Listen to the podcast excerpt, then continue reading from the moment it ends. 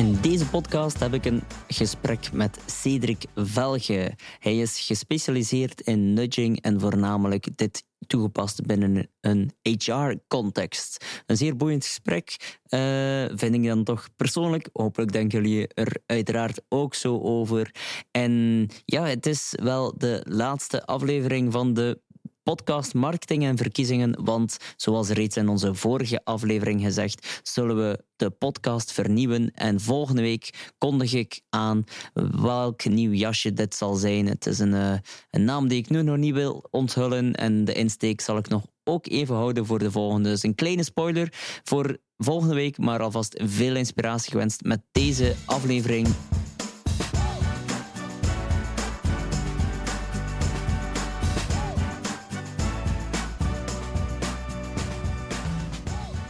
deze sessie of deze aflevering hebben we Cedric Velge te gast. Uh, welkom Cedric.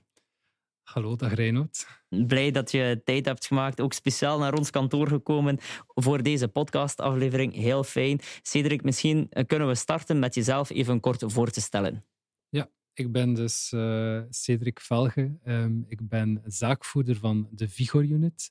Eh, de Vigor Unit dat is een eh, spin-off van de Universiteit Gent. Eh, het is zo dat ik zelf bedrijfspsycholoog ben van opleiding, ook lang als onderzoeker heb gewerkt aan de UGent. En uiteindelijk heb ik samen met Frederik Anseel, professor Frederik Anseel, eigenlijk de Vigor Unit gecreëerd. Dus um, wat doen wij? Wij helpen bedrijven eigenlijk uh, beslissingen nemen rond personeelsvraagstukken. Natuurlijk, wij willen hen helpen om de beste uh, beslissing te nemen, dus met de hoogste kans op slagen. Dus hoe doen we dat? Door hen eigenlijk ja, relevante kennis aan te reiken. Dus we gaan kijken naar bestaand wetenschappelijk onderzoek rond een vraagstuk. Of we gaan data in het bedrijf gaan analyseren. Of we gaan experimenten uitzetten in de organisatie. Om bijvoorbeeld te zien of dat een nieuwe maatregel zou kunnen werken op grote schaal uh, ja of nee. Dus onze rol is echt adviseren met een heel sterke wetenschappelijke inslag. Dus wij proberen ook zo neutraal of objectief mogelijk te zijn in ons advies. Dus of dat wij dan nu dat onderzoek doen of een andere onderzoeksgroep, ze zouden tot dezelfde conclusies moeten komen. Ja, dus echt vanuit de wetenschap uh, adviezen geven uh, en dan vooral rond personeelsbeleid. Ja, yes. Um, wij hebben elkaar leren kennen op een, uh, ja, een seminariedag uh, over nudging door AG Health Partners. Dat ging over uh, ja, verschillende zaken, vooral naar HR-verantwoordelijken, hoe zij nudging in de praktijk kunnen toepassen. jij werd gevraagd om meer de wetenschappelijke insteek te geven. ik werd dan eerder gevraagd om meer het communicatieve luik op mij te nemen met de voorbeelden. Um, ja, laten we het even hebben over de, de wetenschappelijke insteek achter nudging die toch heel sterk aanwezig is. Um, als we kijken vanuit de wetenschap, hoe zou jij nudging uh, definiëren? Of wat is in jouw ogen nudging? Ja. Nudging is voor mij een soort van uh, beïnvloedingstechniek of motivatietechniek. Dus we willen eigenlijk mensen hun gedrag laten veranderen of geen andere beslissingen uh, doen nemen. Nu, hoe doen we dat? Door eigenlijk inzichten in hoe dat mensen denken, hoe dat ze zich gedragen, eigenlijk te gaan gebruiken. Eh, op het moment dat we eigenlijk de, we noemen dat de keuzearchitectuur, dus een manier waarop dat je een beslissing gaat voorleggen of de, de verschillende opties gaat presenteren aan mensen, eigenlijk door daar dingen in aan te passen, uh, dingen te laten opvallen bijvoorbeeld, gaan we eigenlijk hun, hun beslissing uh, ja, beïnvloeden. Wat we niet doen is opties verbieden, want dan is het geen nudging meer. Dat kan natuurlijk ook werken, verbod, maar dat is, dat is dan een andere techniek. En we gaan ook niet plots uh, korting geven of mensen een bonus of een beloning geven. Dus uh, als mensen het gewoon voor de beloning, beloning doen, dan, dan, is dat een vorm van bekrachtiging, maar eigenlijk geen, geen nudge meer. Dus het, het moet subtiel genoeg zijn. Ja. Mm -hmm. Bijna, ik zou kunnen zeggen dat mensen bijna onbewust soms uh, gaan beïnvloeden. Ja, ja. en jullie doen, of hebben reeds ook heel veel onderzoek gedaan naar nudging en onder andere HR.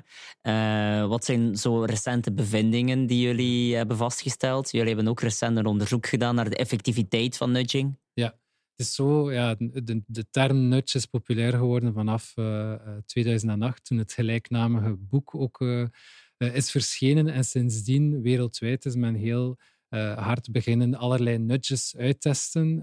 en ja, veel van die studies zijn ook wetenschappelijk gepubliceerd. Dus wat hebben wij gedaan? We hebben eigenlijk gekeken naar alle onderzoek dat de voorbije tien jaar is gepubliceerd, om dan eigenlijk te zien van oké, hoe vaak uh, heeft die nudge effectief tot een gewenste gedragsverandering uh, geleid, ja of nee? En dan, wat we eigenlijk eerst en vooral zien, is dat die nudges ongeveer in twee derde van de gevallen werken. Dus dat is goed nieuws. Dus uh, in meerderheid van de gevallen kan dat effectief mensen gezonder doen eten, meer doen bewegen, ja, minder energie verbruiken, minder vervuilen enzovoort.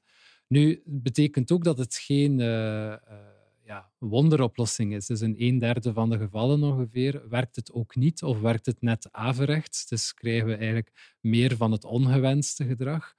Um, nu, hoe dat, dat precies komt, dat, zullen we in de toekomst beter en beter begrijpen. Ik denk, uh, er zijn natuurlijk heel veel verschillende soorten nudges. Dus we weten voor, voor voeding mensen gewoon informeren over wat gezonde keuzes zijn, is misschien niet voldoende. We moeten toch wat verder durven gaan. Uh, door bijvoorbeeld een, een, duidelijke norm te stellen van oké, wat doen anderen? Uh, of, of bijvoorbeeld ja, echt gezonde keuzes meer naar voren te laten treden. Um, maar het heeft ook te maken soms met, ja, is er wel een degelijke goede analyse gebeurd op voorhand van oké, wat is nu het ongewenste gedrag en wat is het gewenste gedrag? En, en, en kunnen we dat überhaupt wel nudgen? Uh, of hoe komt het dat mensen nu vooral het ongewenste gedrag stellen? Als, als heel die analyse niet grondig is gebeurd, dan is de kans ook kleiner dat je effectief een goede nudge zal, een succesvolle nudge zal kunnen implementeren. Ja. -hmm. En uh, ja, twee derde een derde niet effectief of nadelig. Um, is er uh, enig uh, cijfer over die een derde? Hoeveel daarvan nadelig is, of dat nog niet onmiddellijk? Uh, dat is mij niet duidelijk. Ik denk nee. moesten we dat heel grondig gaan mm. bekijken, dat we waarschijnlijk zo'n schatting zouden kunnen maken, maar het is niet dat ik die nu mm. rechtstreeks kan geven. Nee, want twee derde is uiteindelijk wel heel veel, als je ook weet dat waarschijnlijk heel veel van die projecten werken op zaken waar heel veel communicatie is rond gebeurt. Het is niet, toch niet mijn ervaring, dat nudging in het begin van het proces wordt toegepast, in het communicatieproces. Meestal als er een probleem is, wat starten, met wat starten ze? Met een mailtje te sturen of een, een foldertje te geven of een informatieronde te doen. Dus vaak nudging is eigenlijk misschien wel nog effectiever dan, omdat vaak maar op het einde van het communicatieproces aan bod komt. Ja, dus dat is wel een goed punt. Dat ondanks alle andere Mm. acties en dergelijke die al zijn ondernomen, dat die nudges dan toch nog een effect hebben. Soms zou je kunnen zeggen van de effecten zijn niet zo groot, maar natuurlijk uh, ja, op niveau van een individu is dat misschien niet zoveel, die, die extra stappen. Maar als je natuurlijk op grote schaal gaat bekijken en eigenlijk iedereen een paar euro's kunt laten besparen mm. of meer calorieën laten verbranden, dan, dan, kan, ja, dan maakt dat wel een groot verschil, uh, financieel of uh, afhankelijk van andere indicatoren. Mm. Een van de het is niet zozeer de grondlegger van de nudging, maar in de beïnvloeding, Gialdini, die, denk ik, de ondertitel van een van zijn boeken, Small Changes That Sparks Big Difference. Ehm, dat is een beetje de essentie van... En dat is ook waar aan nudging heel groot door geworden is, denk ik dan, is doordat het vaak op grote massa's wordt toegepast. En die kleine aanpassing die je op een groep van vijf mensen heel beperkt ziet. Als je dat natuurlijk als overheid gaat toepassen, heeft dat een gigantische impact. Ja, inderdaad. Ja. Mm. En uh, ja, je kan het toepassen in verschillende sectoren. In de HR-sector heb je bijvoorbeeld een case uh, die jullie recent hebben gezien of gelezen of geanalyseerd. Mm-hmm. Ja, het was uh, een case waar ik meer over gehoord heb via een klant van ons. Die zelf een nudge hadden geïmplementeerd. Uh, ja, ze wilden mensen, hun werknemers meer laten bewegen. En uh, een van de manieren was om mensen vaker te laten rechtstaan. Dus het gaat over kantoormedewerkers. Het bedrijf had heel veel geld geïnvesteerd in uh, zit-sta-bureaus, maar stelde eigenlijk vast dat uh, ja, die bureaus meestal gewoon op de zit-instelling bleven staan en dat bijna niemand recht stond. Dus dat is het goede idee om ja, een van de meest succesvolle nudges toe te passen. En dat is eigenlijk de default of de standaardkeuze aan te passen. En eigenlijk ervoor te zorgen dat als mensen bijvoorbeeld s morgens op kantoor komen of na de lunch op kantoor komen, dat dat bureau eigenlijk al uh, ja, op die sta-modus uh, staat ingesteld. En dan ja, kunnen ze kiezen om inderdaad eventjes te blijven staan of dat gewoon weer naar omlaag te brengen. Ja, maar wat was dan het effect? Of mag daar nog niet over eh, gecommuniceerd daar worden? Daar mag wel over gecommuniceerd worden. Uh, nu, het heeft er effectief voor gezorgd dat mensen meer gingen rechtstaan. Maar het heeft ook heel wat uh, losgemaakt. Dus mensen werden op voorhand niet ingelicht. En ja, sommige mensen hadden daar toch wat moeite mee. Dus er zijn klachten ingediend wegens pestgedrag. Omdat ze dachten van oké, dat is hier een collega die dat hier... men dacht, ah, het is misschien de, poets, de poetsploeg die, die het beu is dat we onze vuil, vuilbakjes niet in de gang zetten. Dus we gaan, uh, we gaan, uh, we gaan voor de, om hen te pesten, bij wijze van spreken, die bureaus omhoog doen. Dus er waren allerlei wilde verhalen, waardoor dat mensen ook ontevreden waren en berichten nalieten van dat moet hier nu gedaan zijn. Uh, nu, dan heeft men de medewerkers uh, daarover ingelicht en uitgelegd van kijk, uh, het, is, het, is, het, is, het is geen pestgedrag. we hebben ervoor gekozen om de bureaus af en toe al omhoog te zetten, om jullie te stimuleren om vaker recht te staan. Jullie kunnen natuurlijk altijd kiezen om dat direct weer naar beneden te doen. Dus eens dat die info werd gegeven, ja, heeft men het onderzoek toch verder gezet en dan bleek toch dat mensen effectief vaker uh, mm -hmm. recht stonden en dat uh, de attitudes ten opzichte van rechtstaand werken ook verbeterd waren. Ja, dat is wel een heel mooi voorbeeld. Hè. Een ander bekend voorbeeld voor de luisteraars uh, over van de standaardoptie is orgaandonatie. Ik denk dat dat de bekendste ja. is in, in, in default is dat je eigenlijk kan kiezen voor een opt-out, terwijl je vroeger kon kiezen voor een opt-in. Wat wil zeggen dat uh, je nu kan kiezen om geen orgaandonor te zijn, terwijl vroeger kon je kiezen om het wel te zijn. En net omdat het standaard is dat je wel bent en dus moeite moet doen om uit te schrijven, zijn er vandaag veel meer mensen die hun zogezegd hun organen willen doneren of vrijwillig willen do doneren. Dat heeft ook een stukje te maken met de status quo bias en ook een stukje dat we zo weinig mogelijk energie willen uh, verbruiken, uiteraard.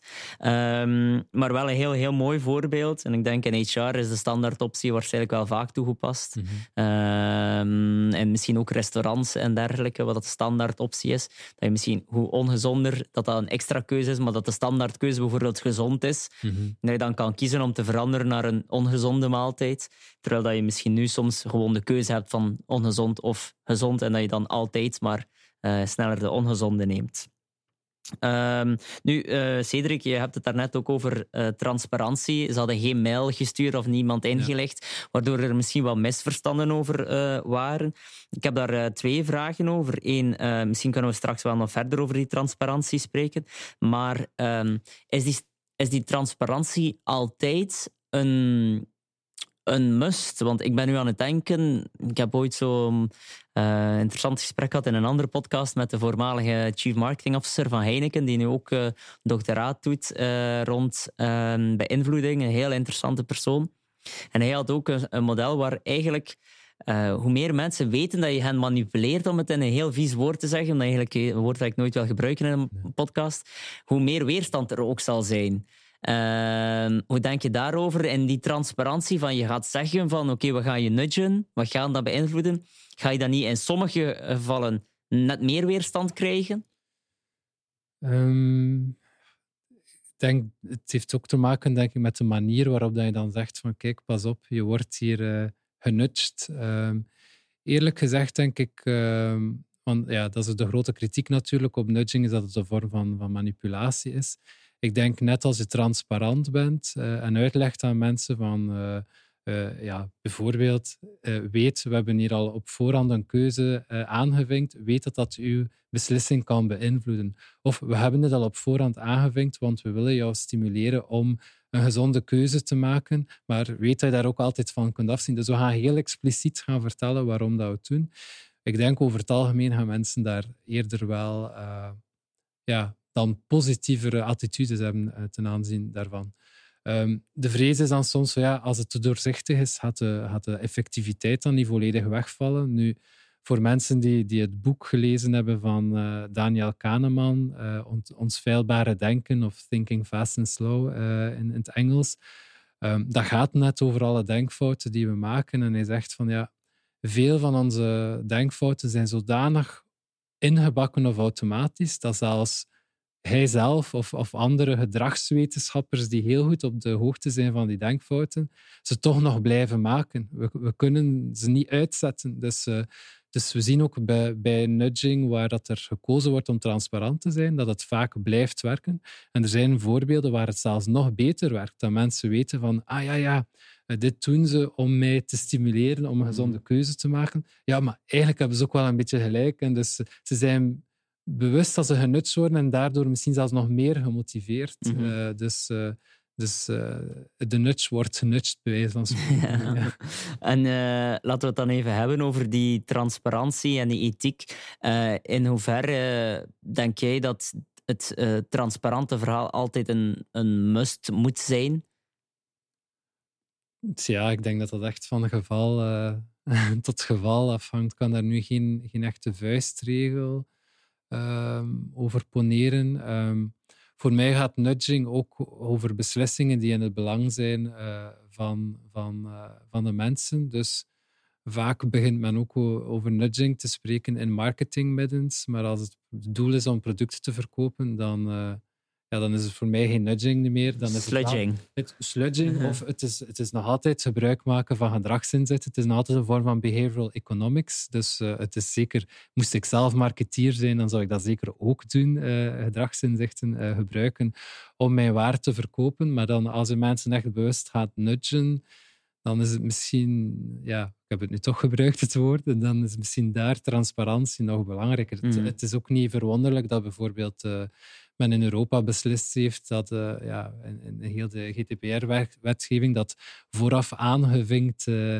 kottekes voor nieuwsbrieven en dergelijke, dat dat niet meer mag, net om mensen daartegen te mhm. beschermen. dus, dus ja, ik denk als de doeleinden commercieel worden of andere zaken, dan, dan is het misschien nog belangrijker. Ik denk als het voor andere doeleinden is, dan, dan kan het misschien soms wel een goede keuze zijn. Ja, doelheiligste middelen dan. Ja. ja. Nu, op zich, uh, zelfs al nudgen we niet, zijn we toch nog altijd aan het nudgen. Dus elke beslissing die de overheid neemt of, of de keuzes die de overheid aan ons voorlegt, de manier waarop ze dat doen, uh, stuurt onze beslissingen of ons gedrag in een bepaalde richting. Men is niet bewust met nudging bezig geweest, maar men heeft wel gekozen voor een bepaalde keuzearchitectuur, zoals dat we dat noemen. En daar heeft men ons ook niet verwittigd van, ah, pas op, de manier waarop dat we dit nu aan jou voorstellen, kan jouw keuze beïnvloeden. Zoals destijds met, uh, met de orgaandonatie, dat dateert, dacht ik, van de jaren tachtig, die beslissing van de overheid. Toen ja, was er nog van nudging helemaal geen sprake. Mhm. dus, uh, dus ja, en daar heeft men ons ook niet in gelegd. Dus, ja, uh, ja. In ons boek staan er heel veel commerciële voorbeelden ook. Uh, vandaar ook dat het boek Nudging en Overtuigen heet. Bewust omdat je inderdaad niet over, altijd over nudging kan spreken in een commerciële context. Maar er wordt wel gebruik gemaakt dan van gedragswetenschappelijke inzichten. Ehm, als we het dan hebben over het, het, ethische luik, transparante verhaal.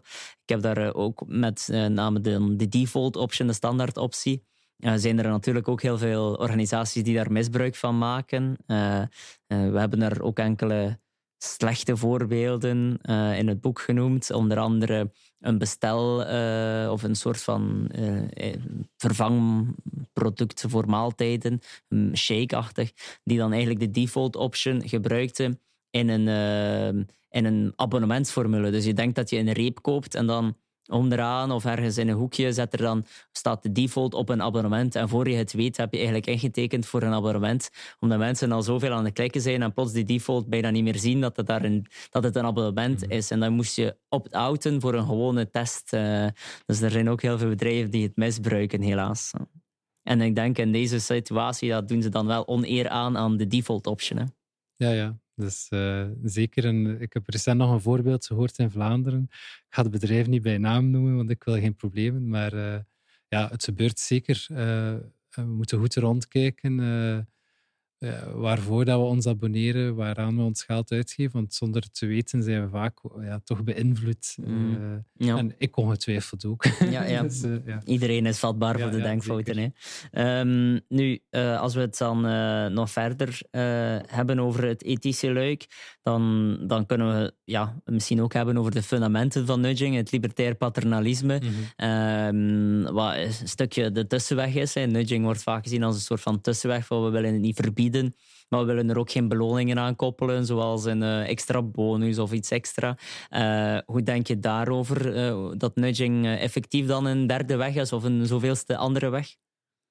Wel, ik geloof dat het zeker een, een, een andere weg is en, en, ook een goede weg, omdat je inderdaad niks uh, gaat verplichten uh, of opleggen. Um, en ook niet ja, gewoon met, uh, met, met, de, met de wortel eigenlijk mensen gaat sturen. Um, nu, het, het, de vraag is natuurlijk, wat is in het belang van, van iedereen? en, en als het gaat over gezonde voeding of beweging, dan is dat, ligt dat heel voor de hand. Daar is weinig discussie over. Mm als het gaat over wat doen mensen met hun geld, bijvoorbeeld sparen voor hun pensioen, dan ligt het al iets moeilijker. Dan zeggen we aan mensen van je moet sparen voor je pensioen, dat is in je eigen belang, want als je nu niets opzij zet, dan ga je mogelijk in de problemen komen eens uh, je niet langer op de arbeidsmarkt bent. Ehm, nu, daar iedereen op dezelfde manier behandelen is misschien niet altijd aangewezen. Dus uh, een van de oplossingen waar men nu ja, een beetje naar zoekt als, als tegenargument tegen dat paternalisme, is om zaken meer te gaan personaliseren en te gaan kijken naar het individu. En bijvoorbeeld, ja, waar we standaard zouden zeggen van het is, het is in het belang van het individu om, om ja, te gaan sparen voor het pensioen, van misschien te gaan kijken, oké, mensen, ja, sommige beroepsgroepen, uh, ik denk voor onder andere mensen die piloot zijn of, uh, of um, steward in een vliegtuig. Ik denk dat de levensverwachting van die mensen uh, veel minder hoog is uh, door de impact van onder andere de, de luchtdruk en zo. Uh, dus aan die mensen dan heel hard gaan inzetten op dat pensioen is dan misschien minder aangewezen, want de kans is misschien, ja, het is wel cru gesteld. Ik hoop dat ze het weten. de kans is misschien dat ze er minder van uh, gaan genieten. Dus, dus op dat vlak kun je ook eigenlijk eer, ja, en, en, en dan nog houden we daar rekening met, met onderzoek, maar eigenlijk zou je ook gewoon aan mensen kunnen vragen van oké, wat wil jij? En dan zeggen van oké, nu dat we weten wat jij wilt, gaan we jou ook in die richting nudgen. Er is zo'n website, uh, hoe heet dat nu? Stick. Stick is een website waar dat je zelf een doel kunt kiezen en zeggen van oké... Okay, ja, het staat ook in ons boek trouwens. Ja, uh, bijvoorbeeld, ik wil een, een, eh, een, master halen in gedragswetenschappen of zo. Ik, niet, ik denk niet dat je dat in België kunt nee. halen, dan moet je naar het buitenland. Ja dan kun je zeggen van oké, ik ga een bedrag reserveren. Als ik dat haal, krijg ik dat bedrag terug. Uh, haal ik die master niet, dan, dan gaat dat naar een goed doel. Uh, mm. dus Externe commitments. Ja. Dus dat is een manier waarop dat mensen zelf kiezen uh, ja, hoe ze genutst willen worden. Alleen in ieder geval voor welke, voor welk mm gedrag. Dus, het is niet meer iemand anders die hen vertelt wat is nu goed gedrag. Dus ik denk dat daar wel de oplossing ligt, door, door mensen ook een stuk te laten kiezen. Ja, ik denk ook dat dat de toekomst van nudging zal zijn. Wat een beetje bizar is, want nudging staat nog maar in de kinderschoenen. Maar ik denk, uh, als ik kijk naar ook technologische mogelijkheden, zijn daar ook wel al een paar mooie uh, experimenten in. Is wat eigenlijk mogelijk is met personalisatie. Dus dan mijn achtergrond in de, in de marketing. Uh, en dan vanuit de gedragswetenschappen, van hoe je inderdaad die, personalisatie kan voorzien. Onder andere een, opnieuw een wat negatiever frame, uiteraard. Maar wat Cambridge Analytica gedaan heeft, is van, op basis van psychologie er is heel veel discussie over, over hun methodiek. Uh, maar uiteindelijk dat je gaat kijken wat voor persoon is dat, waar zijn ze in geïnteresseerd. En dan eigenlijk zo gaat ze die, die nudges gaan optimaliseren. Ik ben nu ook in gesprek met een IT-bedrijf waar je eigenlijk gaat zo veel beter gaan kunnen detecteren van oké, hoe kunnen we dat verder gaan uh, optimaliseren. Ik denk dan bijvoorbeeld aan als je het autoriteitsprincipe wil toevoegen ja, een tiener die fan is van Miley Cyrus, als die nog populair is vandaag, geen idee. Maar uh, ten opzichte van iemand die 40 jaar is en 50 jaar is, die eerder opkijkt naar een professor, en dan ga je wel veel, ja, dan ga je je nudge helemaal anders gaan implementeren. En zo nog meer, denk ik, nog meer die nudging gaan optimaliseren. En misschien komen we dan tot het begin van de, de, de podcast dat we die twee derde nog hoger kunnen krijgen. Ja, ja dat, dat kan zeker een rol spelen. Dus uh, er is ook onderzoek naar wat we noemen de nudge ability van mensen. Dus in welke mate kunnen ze genudged worden. En uh, wat dat we bijvoorbeeld, ja, daar weten we nog niet veel over, maar wat dat wel duidelijk is, als mensen heel uh, sterke opinies hebben over iets, dan gaan we ze niet met nudging van gedachten veranderen. Mm. Uh, bijvoorbeeld vorige week op een, ja, een event dat we georganiseerd hebben rond nudging, vroeg op een gegeven moment persoon aan, aan Wouter Duik, professor Wouter Duik, die toen over gedragseconomie kwam spreken, van ja, kunnen we dit gebruiken om uh, ja, de mensen in Brussel die nog niet gevaccineerd zijn te overtuigen om, om zich te laten vaccineren? Ik denk een deel wel, Maar bij de mensen die een zeer harde overtuiging hebben dat ze niet willen gevaccineerd worden, ja, dan, dan gaat nudging niet de oplossing zijn. Mhm. Ja, want dat is, dat is ook een van de kritieken hè, op nudging. Is je beïnvloedt een bepaalde attitude, een bepaald gedrag, maar daarvoor niet een opinie of niet, op, op, niet onmiddellijk een, een, bepaalde gedachte. Hm. Nu, we zijn daar wel tot het inzicht gekomen, omdat eh, professor Duik zei dan van ja, in Vlaanderen hebben we veel, uh, was er veel onvrede, omdat je eigenlijk uh, ja, voor je vaccinatie kreeg je een brief binnen. Daar stond al een afspraak op van well, die dag, om dat uur, moet je op die plek aanwezig zijn. Uh, nu, veel mensen kiezen er dan voor om toch te gaan naar die afspraak. In Brussel, ik, ik woon zelf in Brussel, is dat niet gebeurd. Dus je ontvangt een sms of een, uh, of een e-mail of een brief, maar je wordt eigenlijk gevraagd om zelf een afspraak te beplannen. Dus je moet eigenlijk veel meer moeite doen. Je moet al een computer hebben, een smartphone. Je moet al wat met technologie overweg kunnen. Je moet er tijd voor maken enzovoort. Er waren heel veel hindernissen die er denk ik ook voor zorgen dat er, dat er minder mensen zich laten vaccineren. Gewoon door een simpele keuze. Hadden ze op voorhand aan gedragswetenschappers gevraagd van ja, doen we het op, dezelfde manier als in Vlaanderen, ja of nee? Dan uh, gedragswetenschappers zouden zeggen, doe het zeker zoals in Vlaanderen, want dan zal, zal de vaccinatiegraad waarschijnlijk hoger zijn. Maar dat is een, een, een heel eenvoudig voorbeeld om eigenlijk de kracht ook van nudging uh, ja weer te geven. Het is jammer dat het niet in ons boek staat, maar is dat voor de tweede editie. Ja, de tijd staat niet stil. Ja, nee, nee, gelukkig. gelukkig. Nee, Oké, Cedric, uh, bedankt voor de ehm, enkele heel interessante cases, je wetenschappelijke visie, je achtergrond ook. En uh, ik vond het alvast een zeer boeiende podcast. En ik ben er zeker van dat de luisteraars er ook zo over zullen denken. Als jullie nog vragen hebben, mogen jullie ons altijd contacteren. En uh, aarzel niet om uh, ja, zeker de volgende podcast ook te beluisteren of eventueel de vorige. Dus uh, tot de volgende en uh, ciao.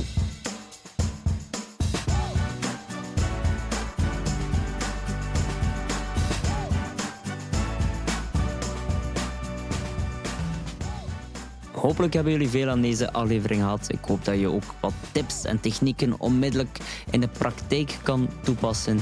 En zoals in de intro gezegd, was dit de allerlaatste inhoudelijke aflevering van de podcast Marketing en Verkiezingen. Het voelt een beetje voor ons als het einde van een tijdperk. Wat vier jaar, ja, ondertussen al vier jaar, nee, bijna vijf jaar geleden gestart is als een vijfdelige reeks en werd uiteindelijk een podcast met bijna 100 afleveringen. Dus um, ja, tot volgende week, want dan uh, lanceer ik het nieuwe concept. En zoals steeds, als jullie um, meer inspiratie willen, ga dan zeker naar exposure.be, want daar vind je heel wat gratis e-books. En laat zeker ook weten wat je van deze aflevering vond, of eventueel van de vorige afleveringen. Want uh, dat kan heel eenvoudig met een review, vooral via de Apple Podcast app, maar uh, via een andere weg. Dat kan via Google of Font, of ons laten weten via mail wat je ervan vond, is ook altijd heel fijn. Tot volgende week met, een, uh, ja, met de lancering van ons nieuw concept.